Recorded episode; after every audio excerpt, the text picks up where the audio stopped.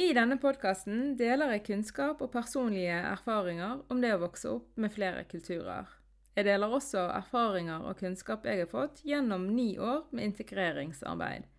Mitt mål er å øke kulturell kompetanse i samfunnet ved å diskutere hvordan vi kan møte og samspille med mennesker med annen kulturell bakgrunn enn det vi sjøl har.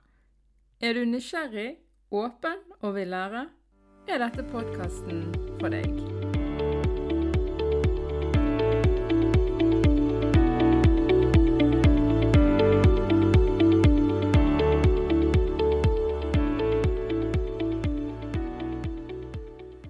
Hei, alle sammen, og hjertelig velkommen til min aller første episode av Hvor er du egentlig fra?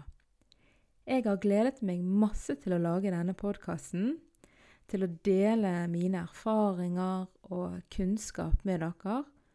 Men jeg håper at dere òg har lyst til å dele av deres erfaringer og kunnskap, og til og med spørsmål, uansett hvilken kulturell bakgrunn du har.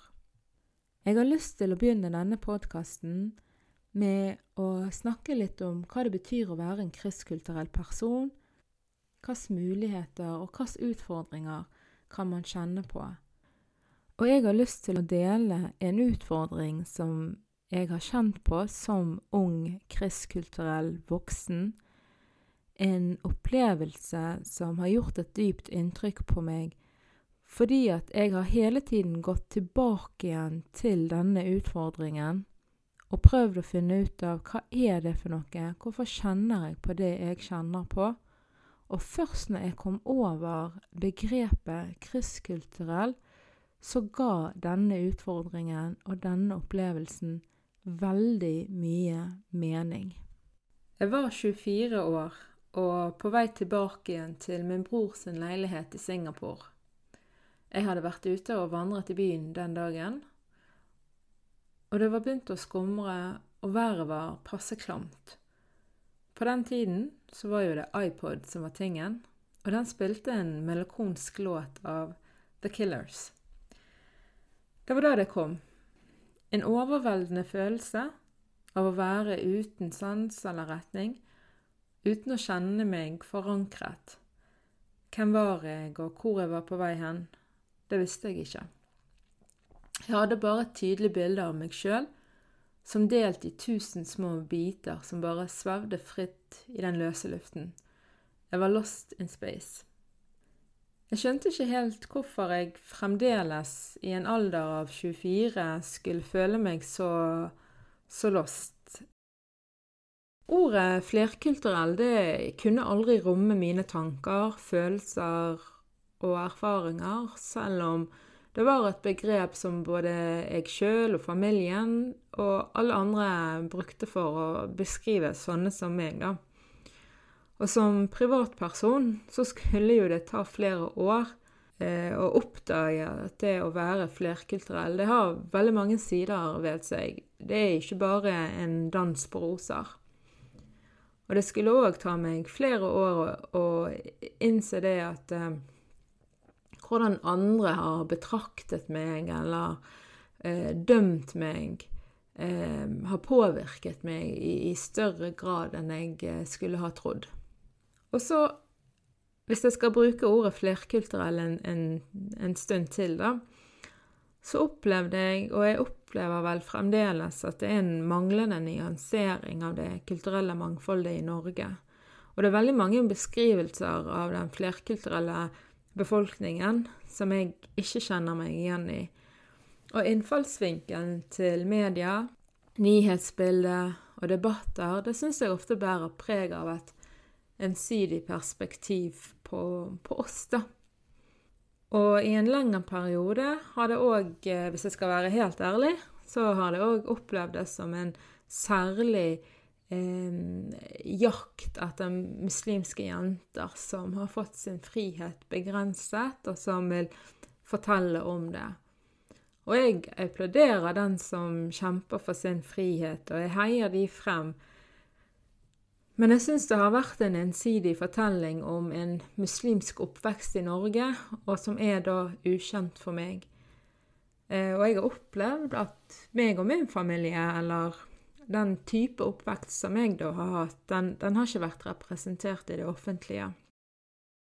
Det sitter ganske langt inne å innrømme at jeg til tider, eh, og før jeg sluttet å bry meg så mye om andres betraktninger av min kulturelle bakgrunn, at jeg opplevde å bli påført skam over min bakgrunn.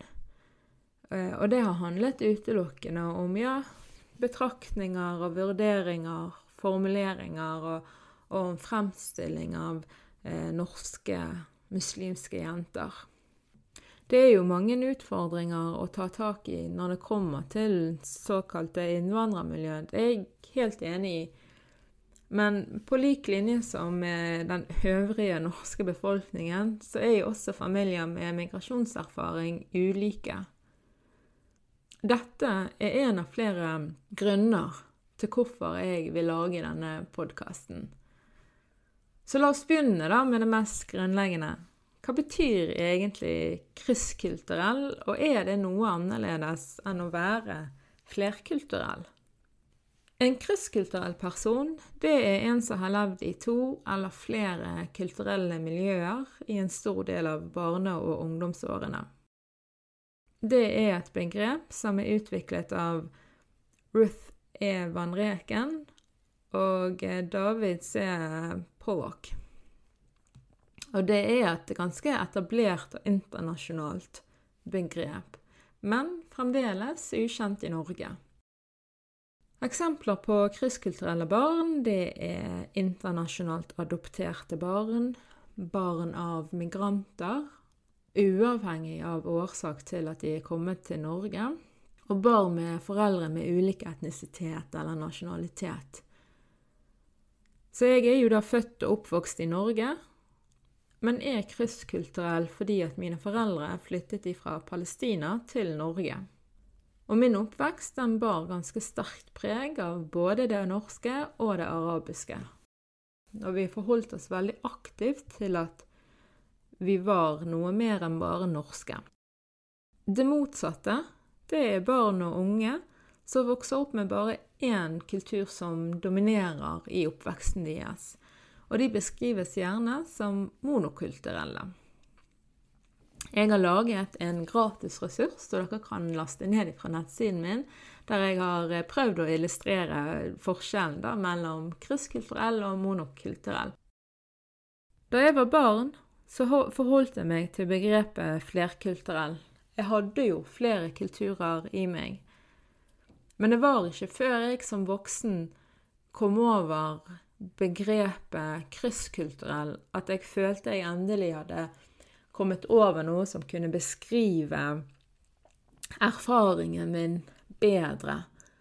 Etter at jeg lærte om dette begrepet, så har jeg konsekvent begynt å bruke det, i hvert fall til å beskrive meg sjøl. Og etter min mening så er det en, en tydelig forskjell mellom det å være krysskulturell og det å være flerkulturell. Sånn som definisjonen tilsier det, så betyr det å være krysskulturell at man nødvendigvis har vokst opp med flere ulike kulturelle virkeligheter. Det betyr at man har lært og fått innsikt i ulike verdier, ulike tankesett, ulike forventninger til oppførsel, ulike måter å kommunisere på, ulike måter å tolke verden på. Og da å vokse opp på denne måten, med, med ulike Eh, verner, så påvirkes man av hvordan man utvikler identiteten sin, og det påvirker hva type krysspress og lojalitetskonflikter en står i. Og det igjen påvirker også livet og hvordan man lever livet sitt på. Når du er flerkulturell, så betyr ikke det nødvendigvis at du har vokst opp med flere kulturer. Det betyr at du kan ha vokst opp med kun én dominerende kultur, og som voksen, eller ung voksen, så har du blitt eksponert for en, en annen kultur. F.eks. For fordi man flyttet til et annet land. Men den nye kulturen den vil jo ikke påvirke identiteten din i like stor grad, Fordi at man er jo forbi det stadiet der man skal utvikle sin, sin eh, personlighet. Da. Så det betyr at en flerkulturell person står ikke nødvendigvis i det samme krysspresset eller i verdikonflikter, sånn som krysskulturelle ungdommer gjør. Og, og, hvis man står i det, så er ikke det like sterkt eh, som når, når, man faktisk vokser opp med å blande ulike kulturelle verdener sammen, og man lager praktisk talt en tredje kultur som vil være ulik eh, sine foreldres kultur og sine venners kultur. Og Det er ofte dette som skaper litt krøll for kristkulturelle. Det å finne seg sjøl og finne sin plass når man har ulike verdi- og tankesett som kolliderer. Men å vokse opp da, som krysskulturell det kan utvikle noen styrker som gir noen muligheter, hvis man er bevisst på det og benytter seg av sine styrker. Men det kan også innebære noen sårbarheter, og særlig òg hvis ikke man kan skjule at man er krysskulturell. Altså, jeg er for eksempel Jeg har mørkt hår, jeg har eh, olivenfarget hud, jeg har mørke øyne. Og så er ikke navnet mitt så veldig norsk. Og hvordan dette påvirker sårbarhetene, det kommer jeg tilbake igjen til i episode tre. I denne episoden så vil jeg fokusere på eh, styrkene da, med å være krysskulturell. Og en av de ressursene som jeg sjøl har erfart, det er at man f.eks. blir veldig språkkyndig. Fordi man, man lærer jo norsk, og så lærer man gjerne språket til foreldrene. Og eh, allerede fra barneskolen av så lærer jo man engelsk her i Norge. Sant? Sånn at før jeg da var ti år, så snakket jo jeg både norsk, arabisk og engelsk. Og det syns jeg faktisk er ganske imponerende for å være et barn, altså. Sånn? Så det er språkkyndighet, språkkompetanse. Det er en styrke som man kan utnytte seinere som voksen. Og så lærte jeg da å ta mye hensyn til min familie. Eh, det er jo typisk i arabiske land at eh, familiens behov kommer ofte foran egne behov. Og så har jo vi alle hørt det.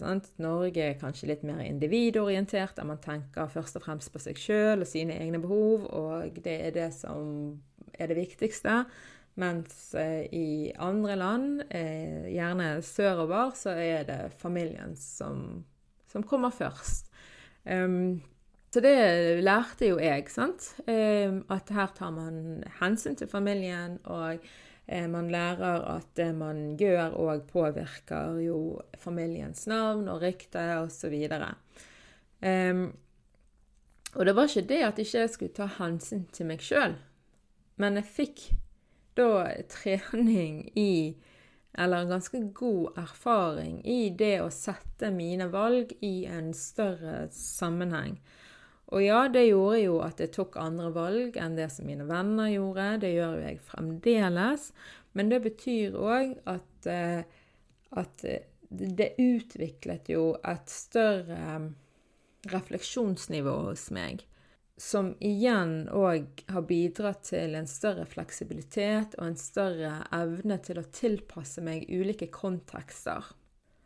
Og så sørget da mine foreldre for å lære meg både de norske og de arabiske sosiale kodene og normene, sånn at jeg oppførte meg riktig både i et norsk hjem, men også i et arabisk hjem eller i et arabisk miljø. I Norge f.eks. så har jo det ingenting å si hvem jeg serverer te først når jeg har besøk. Mens hos arabere så serverer man alltid te til den som er eldst. Alt annet, det er disrespect. Og det er et banalt eksempel, men poenget er at som kristkulturell så lærer man ulike måter å oppføre seg på. Og det gjør jo òg at en kan bli igjen da, mer tilpasningsdyktig, og at man kanskje blir mer kreativ òg, fordi at man har flere ting å dra veksel på. Og så snakkes det veldig mye om i disse tider om hvor viktig det globale perspektivet er. At vi må lære oss å forholde oss til verden som en helhet. Og på de norske FN-sidene f.eks. så står det at Norge er kritisert for å ha for lite om det globale perspektivet i læremålene til norske skoleelever. Ja, det er jo faktisk på tide å ta inn over oss at vi er en del av en større helhet, og at måten vi lever våre liv på, det påvirker verden. Og Går dere inn på nettsiden min, så vil dere se at dette er et tema som jeg er veldig opptatt av. Og ja, dere gjettet riktig. Kristkulturelle har ofte et globalt perspektiv, fordi at man ofte vil forholde seg til andre deler av verden. Og det globale blir ofte også personlig. For eksempel, jeg har jo mitt opphav i Palestina. Jeg har blitt oppdratt til å bli opptatt av det som skjer i Palestina, og det har jeg også beholdt som voksen. Så når jeg vokste opp, så opptok det meg i ganske stor grad hva det var som skjedde i Palestina. Mens mine venner ofte var opptatt av hverdagens dramatikk, som man jo ofte kan oppleve som ungdom, så var jeg også opptatt av det samme. Men jeg var òg opptatt av det som skjedde i Midtøsten. Og som med veldig mange andre familier med en migrasjonserfaring, så fulgte vi ganske tett med på det som skjedde i, i hjemlandet. Jeg var tolv år da den andre intifadaen brøt ut i Palestina, og det var full krig. Og jeg ble veldig sterkt berørt av det som skjedde. Jeg husker at vi satt klistret foran skjermen dag inn og dag ut, fulgte med på hva som skjer, snakket så ofte vi kunne med slekten. Og på den tiden så var jo ikke det så lett, for vi hadde jo ikke WhatsApp, FaceTime og alle disse, eh, alle disse appene som vi har i dag. Eh, så telefonlinjene de brøt jo òg eh, veldig ofte, og særlig når det var eh, denne type dramatikk, da. Sant? Så det var ikke alltid vi fikk kontakt med familien. Det gjorde jo ting enda mer bekymringsfullt, da. Men i hvert fall Vi fulgte med på nyhetene. Vi snakket så ofte som vi kunne med slekten. Og så var jeg hjemme hos en, en venninne en dag. Og da Der på skohyllen deres, så jeg tror enten var det VG eller Dagbladet, men det var i hvert fall en eller annen avis dagens avis, som viste òg bilde av en palestinsk ungdom som var blitt skutt og drept. Eh, og jeg ble veldig trist, og det ble veldig synlig at jeg ble. Venninnen min hun kunne ikke forstå det, fordi at jeg hendte jo så langt unna, og jeg levde jo i Norge, og jeg levde ikke i Palestina, som forsto ikke involveringen min i, i det som skjedde, og hun forsto ikke reaksjonen min på det nyhetsoppslaget. Det er også en av kvalitetene med kristkulturelle, at selv om ting foregår milevis fra Norge eller fra et annet land, da, så blir det er likevel nært, og det blir personlig, og man blir opptatt av det som foregår i andre deler av verden. Og det er en del av det å ha et globalt perspektiv. Og jeg lever ikke bare i Norge, jeg lever også et annet sted. Palestina er veldig levende for meg, til tross for at det er her i Norge jeg har mitt daglige liv. Og min far han lærte meg at eh, når det kom til politiske valg i Norge, så måtte jeg vie særlig oppmerksomhet til utenrikspolitikken til de forskjellige politiske partiene.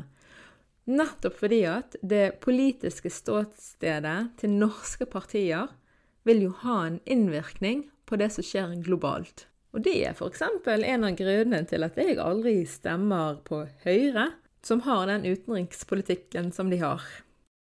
Er det noen som kjenner seg igjen i dette? Send meg en e-post.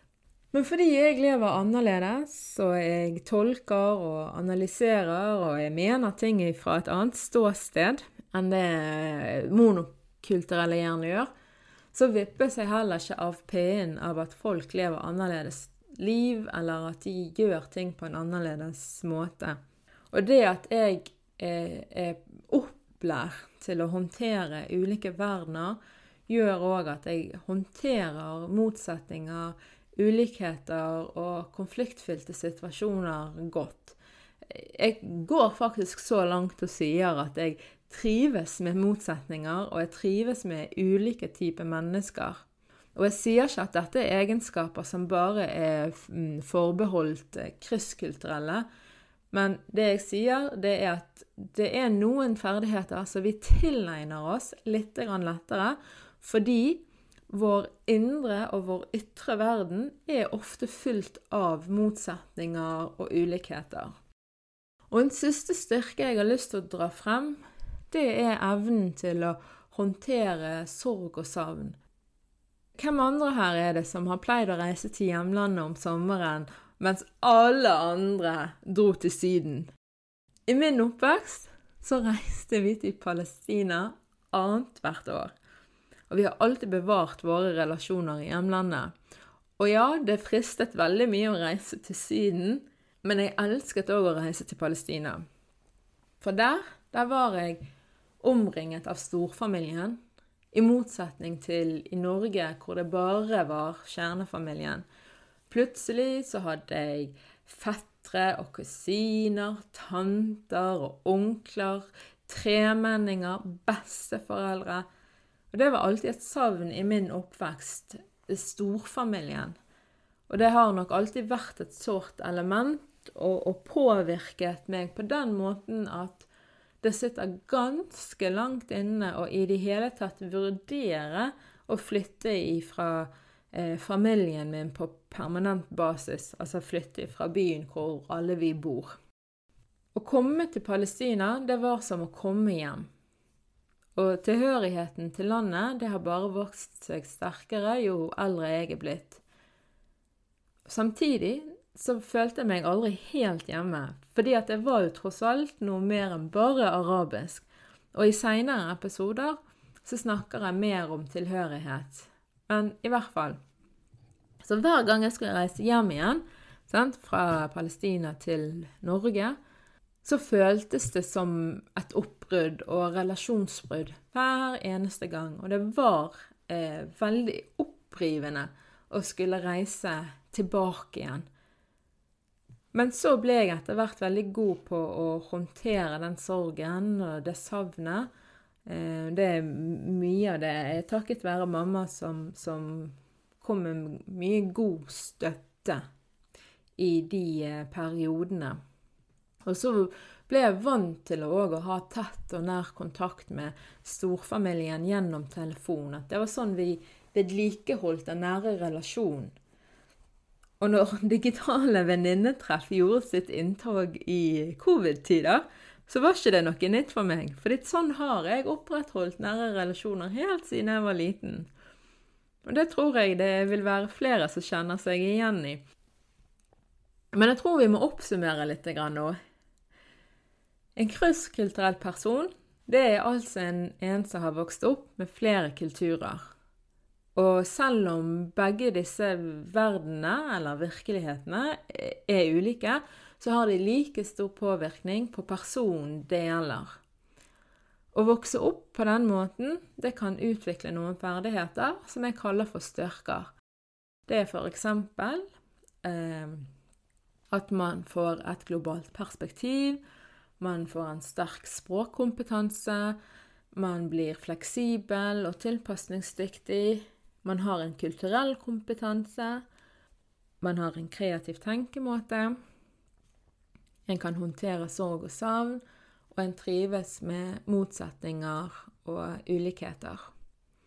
Og det er som sagt ikke bare en dans på roser. Det å ha en krysskulturell oppvekst kan også medføre noen sårbarheter, som det å bære på annerledeshet og, og møte rasisme og, og en opplevelse av usynlighet.